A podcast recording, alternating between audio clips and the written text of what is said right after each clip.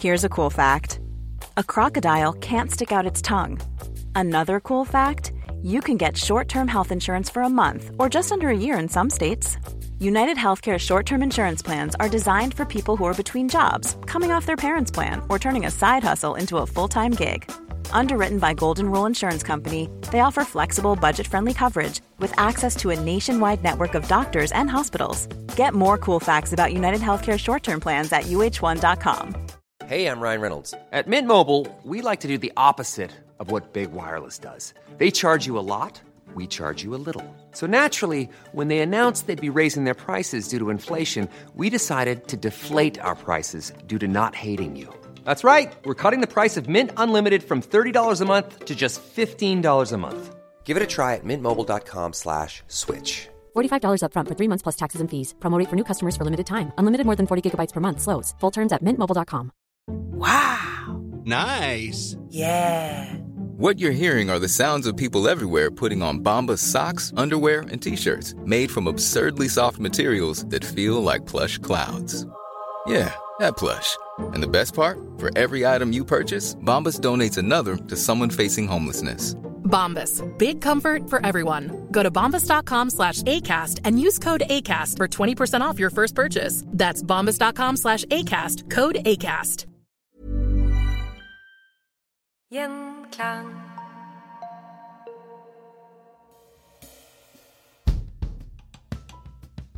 Hun var den smellvakre godseierfruen med silkekjoler og fulle ballkort. Men òg en dame som ble utskjelt og latterliggjort. For hun jobba for noe så uhørt som at kvinner sjøl skulle få bestemme om de ville ha barn. Katti Anker Møller er kanskje den viktigste kvinnesakspioneren mange aldri har hørt om. Men hun er kvinnen som frigjorde kvinners kropp.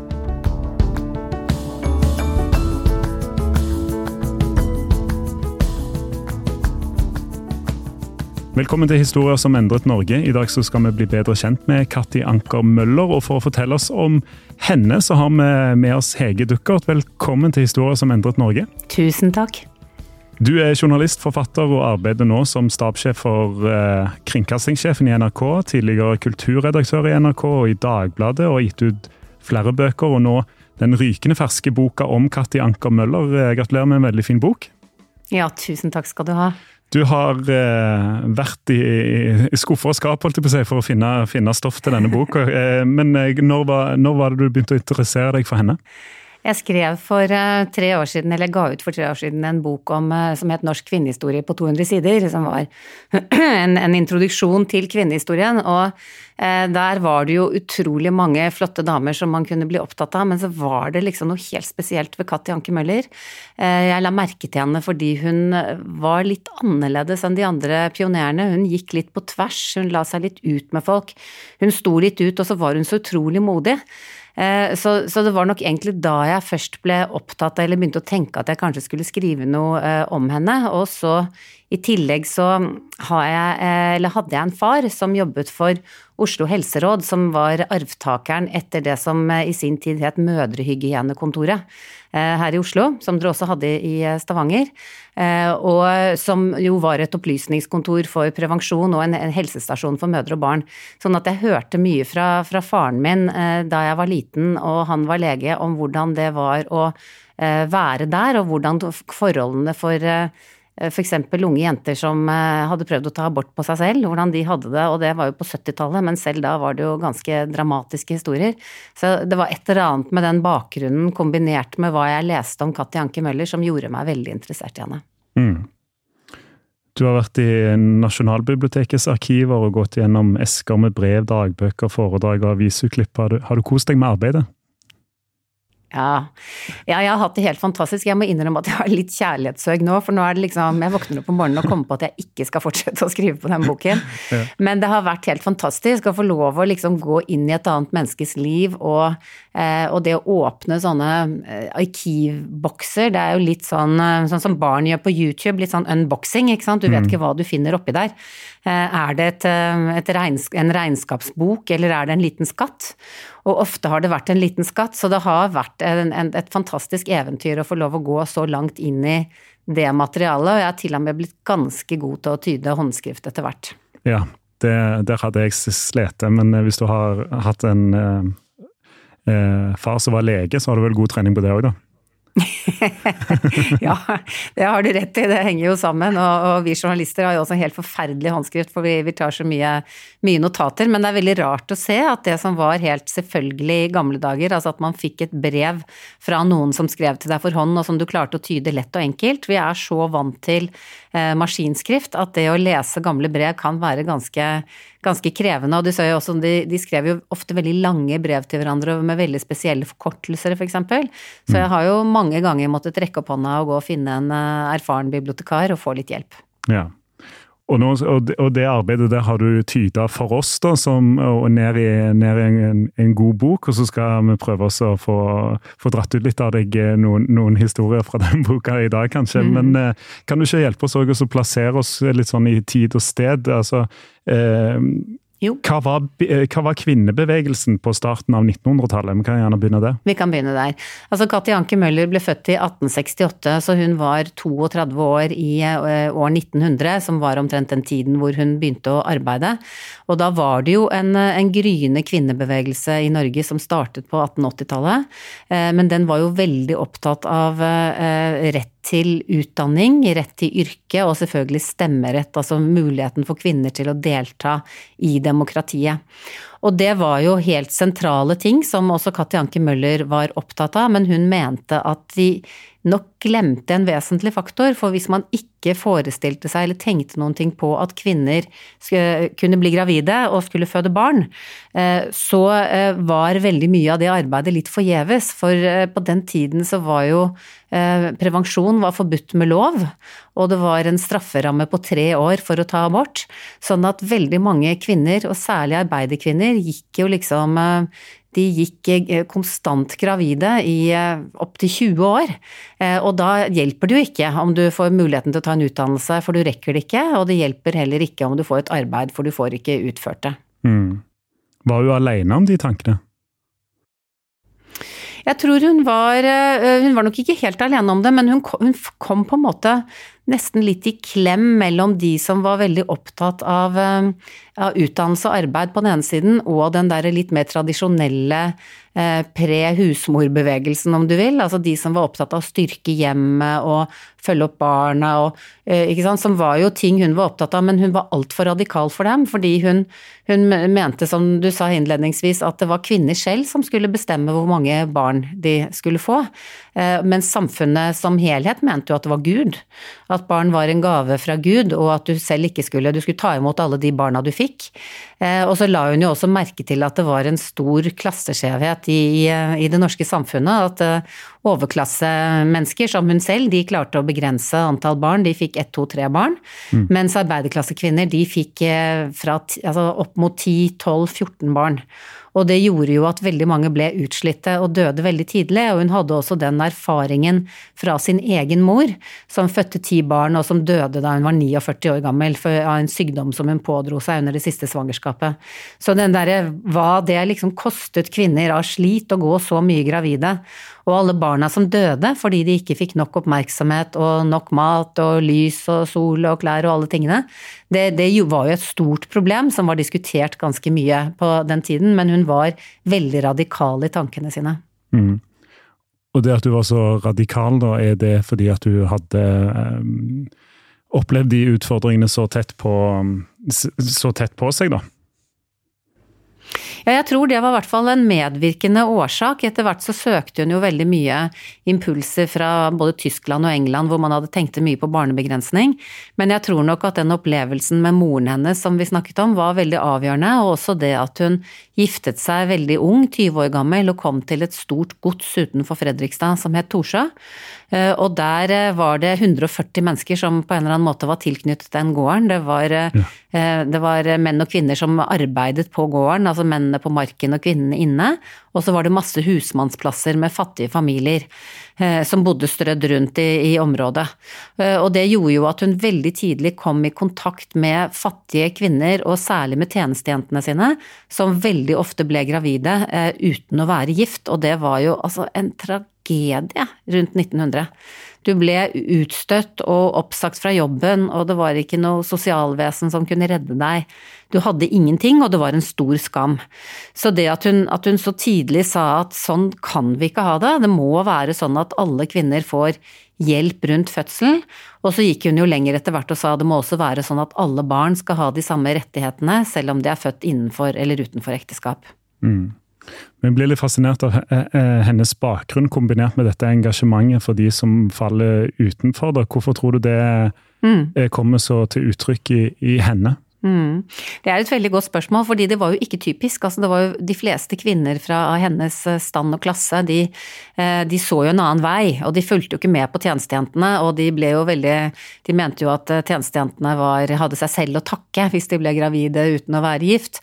Så hun hadde en forståelse, en empati, som var veldig uvanlig for kvinner av hennes bakgrunn. Så jeg tror det må ha vært noe i karakteren hennes, altså at hun var ekstremt opptatt av rettferdighet, og at hun var også veldig fremsynt og, og tenkte at vi kan ikke ha et samfunn hvor man Altså det er jo ikke barnas skyld om de blir født innenfor eller utenfor for ekteskapet, det kan ikke være forskjell på det. Så jeg tror både det med å vokse opp i et sånt politisk livlig miljø, være preget av, av kvinnebevegelsen, særlig av stemmeretten. Det var jo sånn at, at kvinner fikk kommunal stemmerett, i hvert fall de som hadde litt penger, da, kommunal stemmerett i 1901, og det gjorde enormt inntrykk på henne. Hun mente at kvinner ble stående igjen i et helt annet forhold til samfunnet og fikk helt andre forpliktelser. Så jeg tror det var en blanding av liksom tendenser i tiden, eh, personlig bakgrunn, men også helt klart sånn personlige egenskaper. Altså at hun, hun ble så indignert, mm. Eh, og at hun engasjerte seg på vegne av, eh, av folk som hadde det dårligere enn henne selv.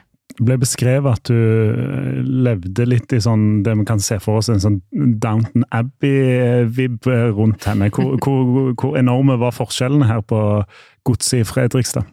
Ja, de var eh, så store. Altså, jeg, jeg tenker at i det egalitære Norge vi lever i, så er det veldig vanskelig å forestille seg hvordan forholdene var for 100 år siden, eh, hvor ingen satte spørsmål ved det i det hele tatt. Eh, så hun kom jo da til denne gården og var husfrue og skulle da gi tjenestejentene både veiledning og råd og være en slags mor for dem, men at de stort sett var eldre enn henne. Og hun hadde silkekjolene sine og var eh, ment til å gå en del på stas, mens de jobbet og slet eh, hele, hele livet og hele dagen. Og jeg har bevisst brukt mye tid i et kapittel i den boken på å prøve å sette ned tempoet og vise hvordan en tjenestejentes dag var, altså fra Eh, fra de som skulle ut, meierskene som skulle ut og melke i fjøset klokka fire, og som ikke hadde fått eh, kaffe eller frokost eller noe, og våknet opp i iskalde små kammers med is på, på vaskevannet, eh, til de som da la i ovnen og, og skurte gulv og tømte nattpotter og sant, det evinnelige, evige arbeidet. Bare å få satt lys på et rom var jo liksom Du måtte Eh, ta en fyrstikk, eh, sette av et parafinlampeglass, vri opp veken, tenne på, sette på glasset, ikke sant. Og sånn i en 20-30 rom. Mm. Så det var helt utrolig mye arbeid og veldig store eh, klasseforskjeller. Samtidig som det jo også var et arbeidsfellesskap på en sånn gård, som jeg tror var, hun var veldig uforberedt på, og som også var noe veldig fint med. Men alle var veldig klar over om de var Altså hvor, hvor på rangstigen de sto. Mm. Det er litt interessant, for det er jo i denne perioden òg at, at, det kommer flere kvinner inn i, altså i byene, inn i industrien, og opplever fritid på en annen måte, som det ikke er for tjenestepikene på samme, samme måte. Um, er dette impulser som hun kanskje òg tar med seg inn på gården, og får liksom litt sammenligna uh, de ulike verdenene som finnes bare, bare, i Norge, og kanskje bare også til og med i Fredrikstad? Ja, det tror jeg absolutt, og hun var jo veldig opptatt av altså Hun gikk også litt på tvers av kvinnebevegelsen når det gjaldt synet på kvinner som jobbet for, på fabrikk, eh, fordi at det var jo mange som da kjempet for at de skulle ha muligheten til å gjøre nattarbeidet f.eks., for fordi det var bedre betalt, mens Katti Anke Møller var veldig opptatt av at det ville hindre hele familiesituasjonen deres, og hun var skeptisk til det. Eh, men jeg tror det var, det er som du sier, akkurat på den tiden at eh, veldig mange begynte å jobbe i fabrikker, og det var jo fordi at det var jo i hvert fall marginalt bedre betalt enn å være tjenestejente. Eh, det var, på slutten av 1800-tallet så var jo tjenestejente det aller vanligste yrket for kvinner i Norge. Eh, og det skyldes jo at du hadde svære barnekull, veldig vanskelig å fø opp alle sammen, sånn at det at jentene fra konfirmasjonsalder til de giftet seg tok tjeneste på en annen gård eller inne i en by, det var veldig vanlig. Og fordi det var regnet som midlertidig, så fikk de jo nesten ikke noe lønn, det var bare kost og losji som var det aller viktigste. Mens de som jobbet på fabrikk, de fikk i hvert fall bitte lite mer lønn, eh, og hadde litt mer selvstendige dager, og selv om de nok var fullstendig utslitte når de kom hjem klokka seks eh, om kvelden og fabrikksirenen ulte, så hadde de i hvert fall en fritid og en ettermiddag som de kunne styre over selv, og det hadde jo veldig liten grad tjenestejentene. Mm. Var det forskjell på om du var, var nederst på rangstigen eller øverst på rangstigning, hvordan du forholdt deg til sex? ja, eh, og, på godt og vondt. Altså det var jo på den, særlig på slutten av 1800-tallet så var jo kvinneidealet i borgerskapet var jo sånn at eh, en, en, kvinne, en, ung kvinne var mest attraktiv jo mer uh, uskyldig hun var, og uskyldig betydde den Eh, sammenhengen uvitende. Altså, det var et dum og deilig ideal. Mm. Du var søtere hvis du ikke visste noen ting. Og det gjorde jo at, eh, at, en del unge jenter, når de ble giftet bort, og ofte med eldre menn med seksuell erfaring, fikk fullstendig sjokk. Eh, sånn som Amalie Skram har beskrevet i, i, i, sine bøker. Så på den ene siden så hadde du liksom en veldig uvitenhet i eh, overklassen, og det var nok litt annerledes ofte for eh, de som bodde på gård f.eks. og var nærmere kyrne på båsen og, og, eh, og, hestene i stallen, og som hadde sett dyrene på en annen måte. Men på den annen side så hadde jo ikke de noe sikkerhetsnett. Hvis du Eh, skulle være så uheldig at du ble gravid uten å være gift i overklassen, så ble du jo sendt på landet til en tante, og så ble jo liksom barnet diskré adoptert bort. Mens hvis du var en fattig jente på en gård, så fikk jo alle se skammen din, og du ble bare fullstendig eh, fullstendig utstøtt, og, og, og, det var jo enorme tragedier i følge av det, og akkurat da Katti Anke Møller begynte å jobbe rundt 1900, så ble eh, daværende Kristiania rystet av en en stor skandale som het pleiemødresaken. Som handlet om at unge jenter som da var blitt gravide utenfor ekteskap, og som da måtte jobbe eh, og reise fra ungen sin for å klare å forsørge den, eh, hadde satt bort barnet til såkalte pleiemødre, og der ble barna så vanskjøtte at de døde i hopetall. Mm. Eh, og det var en svær kriminalsak rundt 1900 som gjorde enormt inntrykk på Katja Anke Møller, og som skjøv liksom i gang en del av arbeidet hennes. Ja. Ja for da er hun eh, Når hun begynner å jobbe, som du beskriver, da er, da er hun i, Kristiania. Da er vi i Kristiania en kort periode. altså Hun er oppvokst på Hamar, og så bodde hun utenfor Fredrikstad, men akkurat rundt 1900 så bodde hun en kort periode i Kristiania fordi mannen hennes, Kai Møller, var valgt til stortingsrepresentant for Smålendenes amt. Så da bodde de et år i Bygdø allé, og det tror jeg var et veldig formende år for henne, for da opplevde hun jo hvor delt Kristiania var, hvor utrolig forskjell det var på om du var født på øst- eller vestkant, og hvor barnedødeligheten på østsiden av Akerselva var dobbelt så stor som den var på Frogner, hvor hun bodde. Eh, og jeg tror at det provoserte henne veldig, og det gjorde jo også at hun tenkte at vi kan ikke ha et samfunn hvor vi bare ser på dette, og hvor eh, stortingsmennene som alltid i alle debatter om kvinnelig stemmerett og sånn sto og snakket om det hellige morskallet, liksom, på Stortingets talerstol, samtidig som unger døde i, eh, i trange, dårlige, skitne rom, og tjenestejenter ble kastet på gaten og født alene i skogen. Mm. Eh, så, så, hun hadde en sånn sosial bevissthet om at sånn kan ikke dette samfunnet se ut, og dette vil jeg kjempe for. Mm. Og endre. Mm. Treffer hun likesinnede på en annen måte da i Kristiania? Ja, hun gjør jo det. Hun kommer jo inn i et ja, det er helt sant, hun kommer jo inn i et politisk miljø. Eh, og hun treffer f.eks. Åsta Hansten, som eh, egentlig vel er en pioner i eh, generasjonen over Katjanke Møller.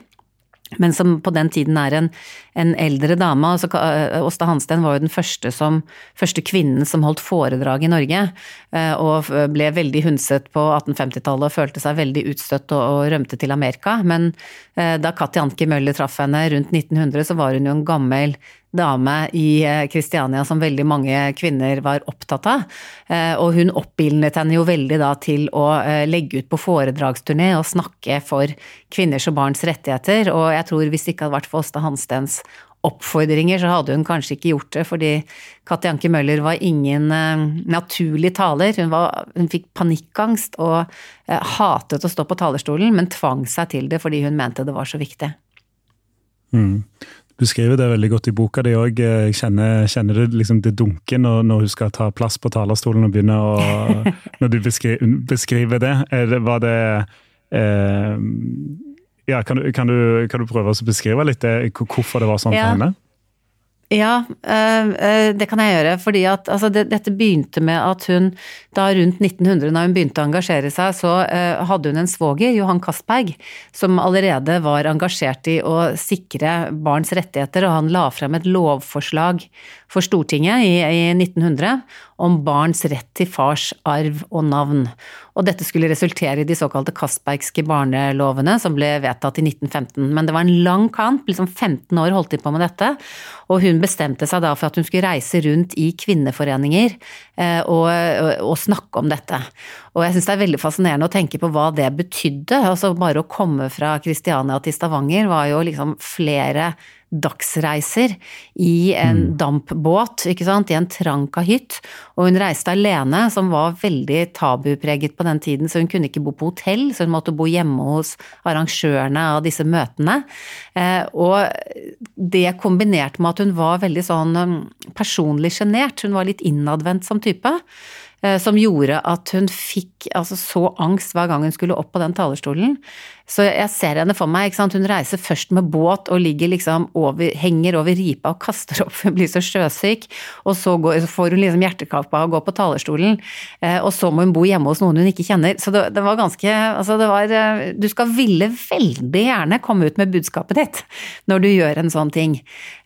Så, så det å prøve å liksom Jeg prøvde å beskrive det hun selv skriver i brev til døtrene, om liksom når hun blir kvalm og når hun blir skjelven. Og, for jeg tenker at det også er eh, jeg tror det er noe mange kan identifisere seg med, at man vil gjerne gjøre en eller annen stor innsats som type holde et foredrag, men så syns man det er skummelt. Og så tenker jeg sånn eh, Det å vite at det var vanskelig for henne og det var faktisk vanskelig for henne hele livet. Hun ble aldri vant til det. Og det kan i hvert fall for, for noen av oss kjennes som en trøst. Men det er jo som du sier òg, det beskriver jo òg eh, hvor mye vil dette. Altså viljen mm. eh, for, for, hun er jo i utgangspunktet i en posisjon hvor hun ikke trenger dette. Altså sant, Hun, hun ja. er jo Hun sitter jo godt i det. Mm. Hun er godt gift og kan trekke seg tilbake på den fine gården, og hun har hønsehuset sitt og hagen sin og mange ting å gjøre. Så hun trosser jo alle konvensjonene, og jeg må jo si at jeg har lurt noen ganger på hvordan det har vært for hennes mann godseieren, som da må ha fått utrolig mange kommentarer om hva slags merkelig kone han hadde, som reiste rundt og snakket om liksom eh, de syndige kvinnenes rettigheter. For det var jo sånn det ble ansett. Altså mange mente jo at det å mm. snakke om rettigheter for ugifte mødre, det var et kjempeangrep på ekteskapet.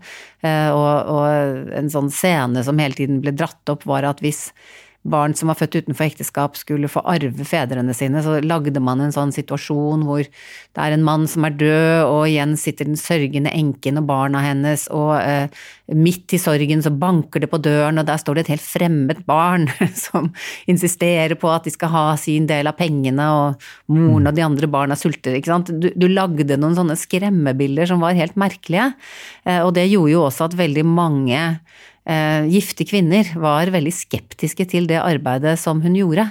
Så hun levde jo med en sånn skepsis eh, hele livet. At veldig mange mente at hun sto for synd og umoral.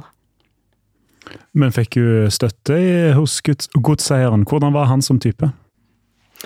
Ja, det har jeg lurt mye på. Altså, han, øh, han, må ha vært en ganske stødig type. Jeg tror han var øh, Han var i motsetning til Katti Anker, som, var, hadde, øh, som hadde, ni søsken, så hadde han ingen søsken. Og han, i motsetning til henne som ikke fikk utdannelse, så fikk han mye utdannelse. Og han reiste mye rundt og lærte landbruk, og hadde nok en veldig fri oppdragelse. Eh, og var veldig engasjert eh, i norsk politikk, så han må ha vært en veldig liberal og åpen mann som sto ved henne og støttet henne. Men det betydde jo ikke at det ikke kan ha vært ubehagelig. Han fikk jo brev da han satt på Stortinget adressert til seg som var sånn 'nå må den gale kona di holde opp'. Eh, så det har jo helt åpenbart kostet mer enn man kan se. Men det jeg har funnet av brev og ting mellom dem, så har han støttet henne og heiet på henne i veldig stor grad. Og han hadde jo også selv en betydelig karriere fordi han var med på å, å starte Felleskjøpet, f.eks., sånn den samvirkeorganisasjonen i landbruket, og var en betydelig mann eh, innenfor norsk landbruk. In the market for investment-worthy bags, watches, and fine jewelry, Rebag is the answer. Rebag is a luxury resale platform where each piece is carefully inspected by experts to ensure quality and authenticity. Use Rebag to buy and sell finds from the world's top brands, including Louis Vuitton, Chanel, and Cartier. Head to Rebag.com and get up to 15% off your first purchase as a member with code REBAGNEW. Shop today at Rebag.com. That's R E B A G.com. And use promo code REBAGNEW for up to 15% off your first purchase as a member. Hey, it's Ryan Reynolds, and I'm here with Keith, co star of my upcoming film, If, only in theaters, May 17th. Do you want to tell people the big news? All right, I'll do it. Sign up now and you'll get unlimited for $15 a month in six months of Paramount Plus Essential Plan on us. Mintmobile.com slash switch. Upfront payment of $45 equivalent to $15 per month. Unlimited over 40 gigabytes per month. Face lower speeds. Videos at 480p. Active Mint customers by 531.24 get six months of Paramount Plus Essential Plan. Auto renews after six months. Offer ends May 31st, 2024. Separate Paramount Plus registration required. Terms and conditions apply if rated PG. Here's a cool fact. A crocodile can't stick out its tongue. Another cool fact you can get short term health insurance for a month or just under a year in some states. United Healthcare short term insurance plans are designed for people who are between jobs, coming off their parents' plan, or turning a side hustle into a full time gig. Underwritten by Golden Rule Insurance Company, they offer flexible, budget friendly coverage with access to a nationwide network of doctors and hospitals. Get more cool facts about United Healthcare short term plans at uh1.com.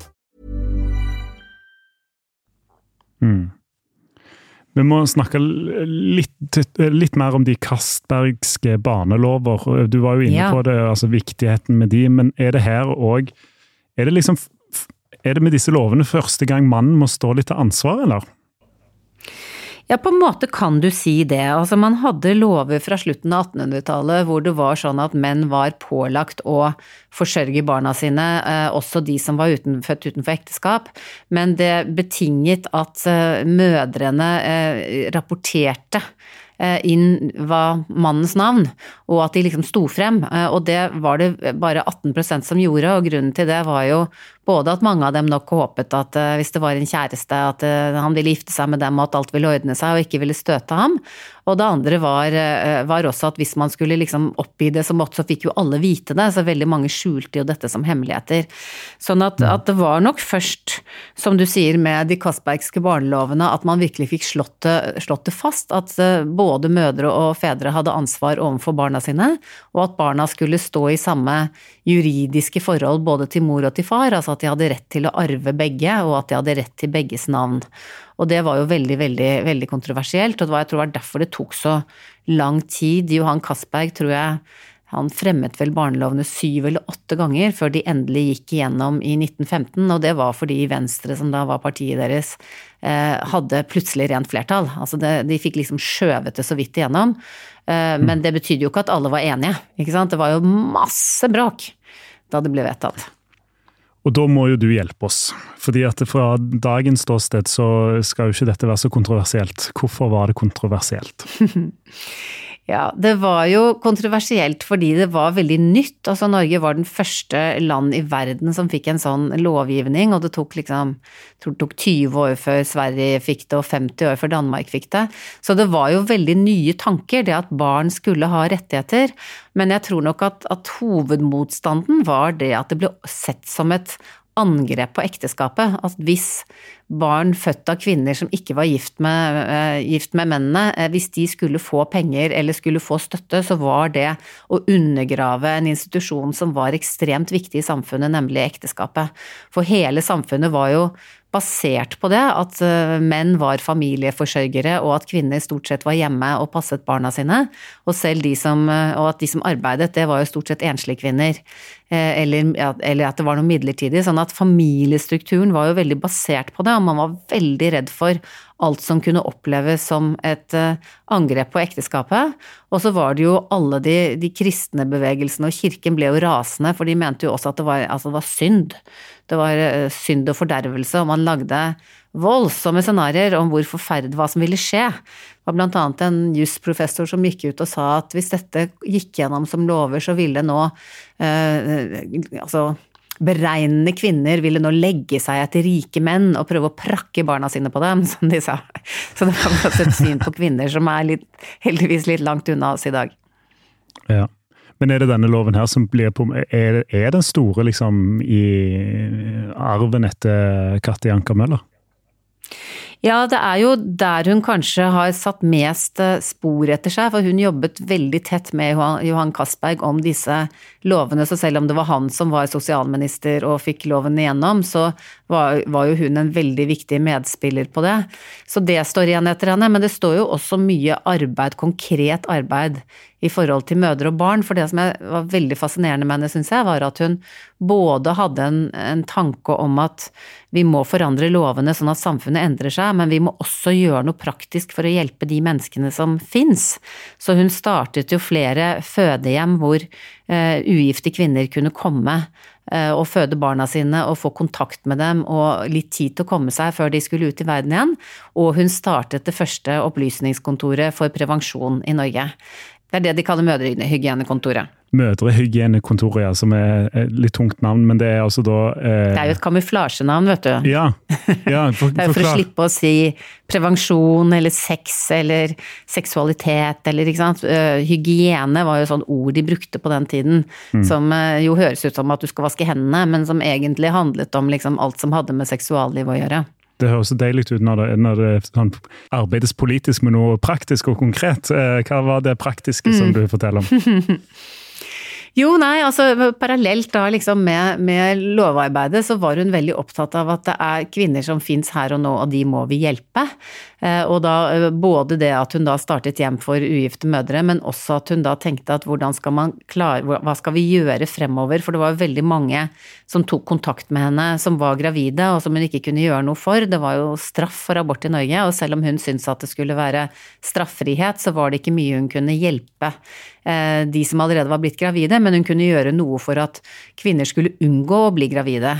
Og så var det altså det at hun mente at eh, overklassen fikset det helt fint, mente at eh, arbeiderkvinnene de ble stadig mer utslitte av altfor mange unger. Sånn at hun lagde da et opplysningskontor i 1924. Det første lå på Egertorget i Kristiania. Eh, to trapper opp, et bitte lite legekontor.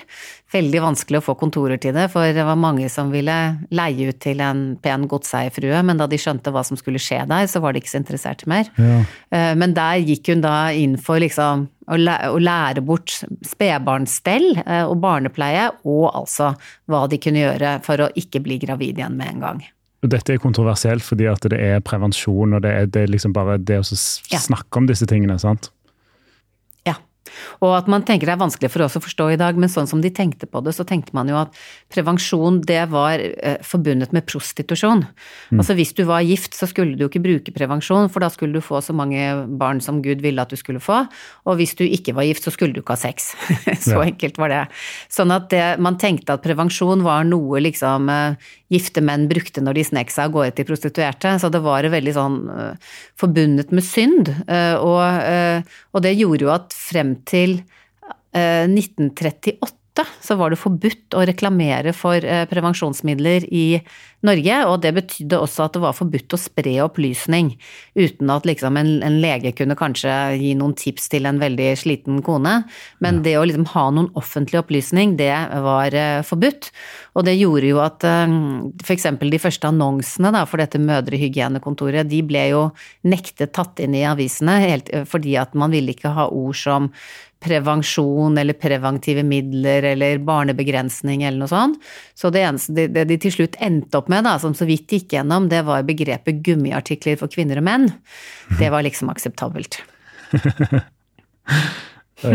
ja, det er jo noen sånne eh, bilder av disse annonsene som er litt, eh, litt artige mm. å, å, se. De går an å, søke opp. Vi skal se om vi klarer å få lagt ut noe på vår Instagram-konto Historier som endret Norge, heter vi jo, heter vi jo der. Ja, klart. Hun tok jo òg til orde for at eh, aldersgrense på det å gifte seg.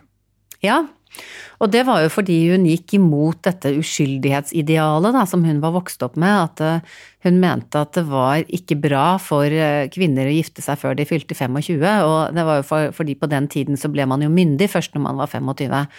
Eh, og at mm. før du liksom kunne bestemme over deg selv, og før du hadde fått noen form for opplæring eller utdannelse eller skjønte noe om livet, så var det ikke godt for deg å gifte deg. Og det var jo også, man skal huske på at på den tiden så var jo den som ikke ville ha fryktelig mange barn, gjorde jo lurt i å gifte seg litt sent, for da satte jo på en måte kroppen en slags begrensning, da. Mm. Hvis du giftet deg 20, 20, eh, år gammel, så kunne du rekke å få 15 barn. Hvis du giftet deg 30 år gammel, så gikk ikke det. Eh, så, så, så det, det, var nok også en del av tanken, men jeg tror at hun, hun var opptatt av det at, eh, at sant, hele dette idealet med at menn skulle ha seksuell erfaring før de giftet seg, mens kvinner ikke skulle ha det, jo, øh, gjorde jo at, øh, at, de ble De sto ikke akkurat på like fot, da. Og hun mente at hvis du skulle ha et godt og sant ekteskap, et godt samliv mellom mann og kvinne, så var det nødt til å være likere, og begge parter burde ha Eh, burde vite noen ting, og det var jo også grunnen til at hun gikk inn for da opplysningsbrosjyrer og lage en egen bok for unge kvinner, og at hun var veldig opptatt av opplysningssiden av det, da. Mm. Eh, mange kritiske røster eh, hennes retning, da. Eh, men har du noe inntrykk av om noe av det treffer henne hardere enn andre? Er det f.eks. For forskjell hvis hun blir kritisert av kirken og det religiøse miljøet kontra andre politikere? Har du noe inntrykk av det? At det, om kritikken gikk innpå henne? Jeg tror, ja, jeg, Det er et godt spørsmål, og jeg tror jo at det var verre for henne når hun følte at kritikken kom fra hennes egne, altså at det kom fra andre deler av det hun oppfattet som kvinnebevegelsen. Eh, Katti Anke Møller har jo en sånn tendens til å skrive vi om kvinner hele tiden, vi vil ha det sånn. Og uh, dette vi-et rommer jo virkelig ikke alle kvinner, for det var ganske store motsetninger. Mm. Men jeg tror at en av en av de tyngste tingene for henne var nok at hun ble så veldig utskjelt av Sigrid Undset, som var en kvinne hun beundret, og som i 1919, hvor hun hadde skrevet tre rasende avisartikler mot eh, Katti Anke Møller, eh, så var hun liksom en anerkjent forfatter noen år før hun skrev Kristin Lavransdatter, og at hun gikk sånn imot henne, det tror jeg hun syntes var tungt. Det er, jo det er en god setning som beskriver det, at du er for radikal for eh, kvinnebevegelsen. Da altså at hun, det, det, da er du ikke bare sånn kirken og andre menn, på en måte, som, men det at du får andre som tilsynelatende kjemper, kjemper samme sak, som blir kritisk mm. på, på, dine tanker, eh, det, mm. det det, jo, og, og mistenkeliggjør motivene dine, ikke sant. Ja. Hun fikk jo masse kritikk for at hun uh, egentlig var mot ekteskapet, at hun ja. prøvde å, å, støtte synden, at hun Ikke sant. Altså, eh, eller at hun bare var dum, var vrøvlete, ikke skjønte ting. Ikke sant. Det var jo masse, masse form for kritikk som på en måte uh, mistenkeliggjorde både motivene hennes og tankekraften hennes, og som ikke liksom godtok premissene hun debatterte på, da. Mm. Beskriv at du er blitt latterliggjort. Er det liksom eh, Og da fikk jeg kallenavn òg av Knut Hamsun. Mm, ja, han, kal han, kalte henne for Katte Møllemjau, som han mente var sånn Hun, hun mjauet som katten og bare gjentok det samme, men samfunnet gikk ikke fremover av det. Eh, Knut Hamsun eh, blander seg jo plutselig inn i, i debatten om, eh, om, straff for fosterfordrivelse, som det het på den tiden, fordi at han mente at kvinner som f.eks. fødte alene i skogen og forlot fosteret sitt, at de var barnemordersker og at de burde henges. Så han gikk jo med karakteristisk høy sigarføring inn i disse debattene. Eh, og var jo en, var nok en veldig ekstrem stemme, men han var eh, jo også selvfølgelig en stemme som mange lyttet til, fordi han var en veldig kjent forfatter. Ja, for, for dette er jo, utspiller seg jo i offentligheten, så du lurer litt på hvordan folk, opp, mm. altså folk flest oppfatter Katti Anker Møller. Mm. Ja, det jeg lurt mye på, for det er vanskelig å vite egentlig hvordan offentligheten var på den tiden. Fordi at i, eh, i avisen, og særlig de konservative avisene, kanskje aller mest i Morgenbladet, så ble hun jo veldig, veldig utskjelt. Men det var jo ikke sånn at hele Norge leste aviser. så jeg har liksom ofte lurt på, var det sånn, ble hun gjenkjent på gaten? Eh, avisen hadde jo sjelden bilder. Eh, I hvor stor grad visste alle om dette? Men så tror jeg nok at sånn samfunnet var jo den gang som nå inndelt i små grupper, på en måte, så alle hun kjente og alle hun forholdt seg til, leste jo de samme avisene og fikk det jo med seg. Så hun må jo ha følt seg veldig skandalisert i perioder. Mm. Vet du hvordan hun ble mottatt på når hun hadde disse foredragene rundt omkring? Ja, det var veldig opp og ned. Eh, hun, eh, litt ettersom eh, forsamling, altså det var jo stort sett kvinneforsamlinger hun holdt foredragene i, men noen steder var det for liksom mer konservative deler av kvinnebevegelsen, og da hendte det at hun ble møtt av mye taushet, og en, en samarbeidsorganisasjon for alle kvinneforeningene som het Norske kvinners nasjonalråd, de tok etter hvert avstand fra henne og nektet henne å tale på kongressen deres, som hun tok seg veldig nær av. Eh, men hvis hun snakket i forsamlinger som var litt mer radikale, og særlig litt mer knyttet til arbeiderbevegelsen, så fikk hun ofte mye mer sympati og, og, og støtte. Så det var veldig, veldig forskjellig. Men, men, det jeg beundrer henne for, er at hun Det var ikke sånn at hun da tenkte at nei, nå skal jeg bare snakke for arbeiderforsamlinger, for de er så hyggelige. hun gikk liksom på med krum rygg og sto der og, og møtte tausheten i de andre forsamlingene også. Mm det er jo litt fascinerende også at det, det, mye av det arbeidet hun, hun, legger ned og det hun tar til orde for, det tar ganske lang tid før eh, mye av det liksom blir, eh, blir slått igjennom òg. Eh, hvorfor tok det så lang tid før, før, før samfunnet ble endra? Mm. Jeg tror, jeg tror, det er flere, flere faktorer. Jeg tror samfunnet var så grundig annerledes skrudd sammen. At, eh, at, det var en veldig lang reise for mange frem til, det, til de, det tankegodset vi har i dag. Men jeg må nok også si at jeg tror at eh, kirken hadde en veldig konservativ kraft. Mm. Eh, at den hele tiden holdt igjen alle reformer som handlet om kvinner og barn, og alt som handlet om noe som helst utenfor ekteskapet. At det gjorde at ting tok lengre tid, da. Og det kan man jo se hvis man ser på, på verdensbildet òg, så ser man jo at for eksempel sånn sånn som abortdiskusjonen i USA nå. Det er jo en, en slags ny kristen bølge som har kommet, eh, kommet, og tatt den. Og det var veldig sånn for, forbausende for Katti Anke Møller, for hun mente jo at hvis kirken skulle stå for nestekjærlighet, så skjønte hun ikke hvorfor de ikke kunne være litt rausere overfor kvinnene. Og jeg tror det var, det var, også grunnen til at hun i sin tid meldte seg ut av kirken til slutt. Hun vokste jo opp i et, et kristent, sånn grunnvigiansk, litt eh, positivt kristent miljø men ble veldig skuffet over at kirken som hadde flest tilhengere blant kvinnene, ikke bidro til eh, det hun opplevde var viktig opplysning, da, og skjøv samfunnet fremover. Hun sto jo på en måte i denne tradisjonen fra opplysningstiden hvor rasjonalitet, vitenskap, eh, ny forståelse var viktig, og så opplevde hun at kirken dro i motsatt retning. Så det kan nok ha vært eh, en av grunnene, og så tror jeg også at noen av spørsmålene som hun tok opp, var, er jo kontroversielle fremdeles i dag. Mm. Altså det at hun i 1913 skrev i avisen at hun syntes at det ikke skulle være straff for, eh, for kvinner som prøvde å ta abort på seg selv. Eh, det er jo Det var jo Det tok jo mange, mange år før Norge i 1978 fikk en, en, lov som bestemte at det var kvinner selv som skulle bestemme om de skulle ha, ha, ta abort eller ikke. Altså Tidligere var det jo legene som skulle bestemme det. Sånn at, at det, det, har vært vanskelig tankegods som det har tatt veldig lang tid. Eh, men eh, jeg tror nok Jeg blir spurt mye de siste dagene om eh, hva jeg tror hun ville tenkt om tenkt i dag. Ja. og da, da jeg, jeg, tror jo hun ville være forbauset over å se at det, det, fremdeles mange steder i verden er en diskusjon om hvorvidt kvinner selv skal bestemme om de vil ha barn eller ikke. Altså at abortstriden har, vokst, har kommet opp igjen, det tror jeg hun ville synes var rart. Mm. Har Katti Anker Møller endra Norge?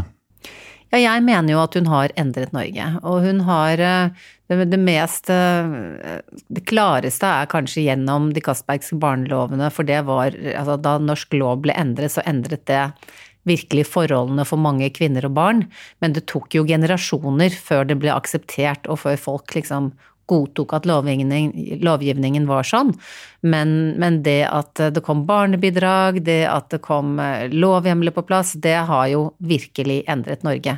Og så tror jeg jo også at de diskusjonene hun startet rundt prevensjon og, og straffrihet for abort, eh, det har jo ført til et helt annet samfunn enn det hun selv levde i, eh, og en mye større tro på at kvinner selv er i stand til å ta beslutninger som handler om dem selv og om barna deres, enn det man trodde på hennes tid. Mm.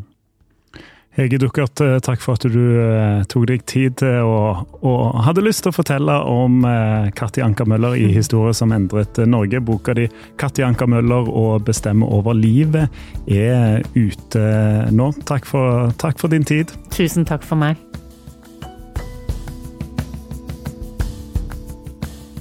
Hvis du er glad i historier som endret Norge, så vil du òg like historier som endret verden. Kollega Kristian Konglund han eh, kommer med en ny episode hver torsdag. Og nå på torsdag så kommer han med en splitter ny episode av Historier som endret verden. Ta og Sjekk ut eh, den. Du kan òg eh, følge oss i Historier som endret Norge på Instagram. Der legger vi ut bilder og videoer som er relatert til ukens episode. Der kan du òg komme i kontakt med meg om du har episodeønsker eller gjesteforslag. Ta og send meg en melding på Instagram. Historier som endret Norge. Gjenklang.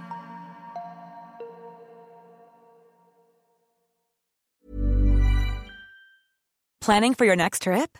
Elevate your travel style with Quince. Quince has all the jet setting essentials you'll want for your next getaway, like European linen, premium luggage options, buttery soft Italian leather bags, and so much more. And is all priced at 50 to 80% less than similar brands. Plus, Quince only works with factories that use safe and ethical manufacturing practices.